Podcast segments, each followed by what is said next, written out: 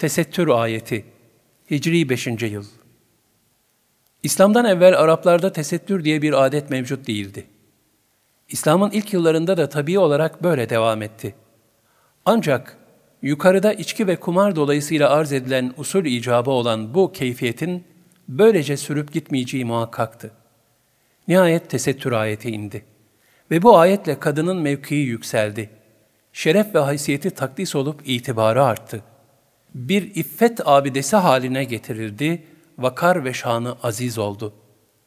Diğer taraftan tesettürle alakalı hüküm sadece kadına ait olmayıp erkeği de şumulu içine almaktadır.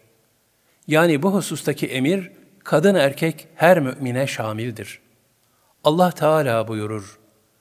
Kul lil mu'minine yaguddu min ebsarihim ve yahfazu furucehum ذَٰلِكَ أَزْكَى لَهُمْ إِنَّ اللّٰهَ خَبِيرٌ بِمَا يَصْنَعُونَ وَقُلْ لِلْمُؤْمِنَاتِ وَيَغْضُضْنَ عَنْ أَبْصَارِهِنَّ وَيَحْفَظْنَ فُرُوجَهُنَّ وَلَا يُبْدِينَ زِينَتَهُنَّ إِلَّا مَا ظَهَرَ مِنْهَا وَلِيَضْرِبْنَ بِخُمُرُهِنَّ عَلَى جُيُوبِهِنَّ Ey Resulüm!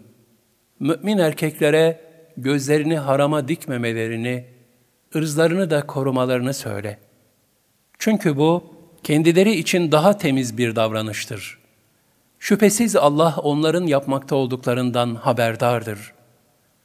Mümin kadınlara da söyle, gözlerini harama bakmaktan korusunlar. Namus ve iffetlerini muhafaza etsinler. Görünen kısımları, yüz el ayak müstesna olmak üzere, zinetlerini teşhir etmesinler. Başörtülerini yakalarının üzerine kadar örtsünler.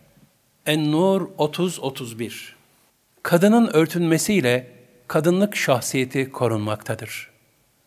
Kadın örtüsüyle karşısındakine bir zerafet ve nezaket hissi vermektedir. Yoksa kadın, nefsani arzuları tahrik eden bir şehvet vasıtası haline getirilmiş olur. Bu da onun şahsiyetini alçaltır ve annelik vakarını zaafa uğratır.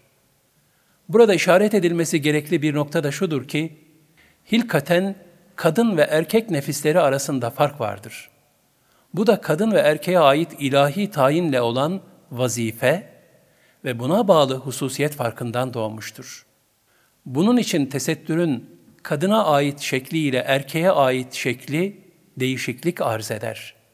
Zira kadın erkeğe göre hilkaten cazibelidir.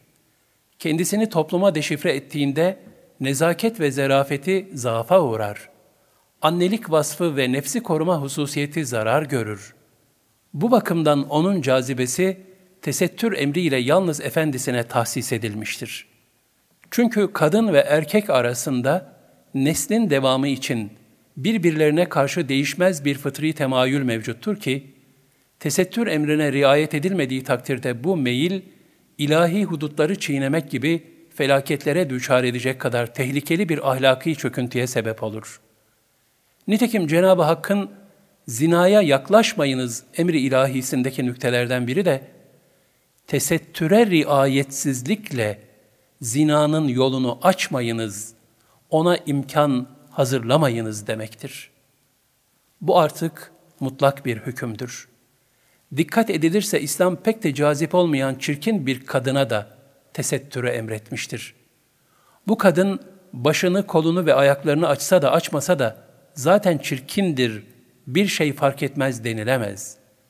Burada kadının tesettürle kadınlık vakarının korunması esastır.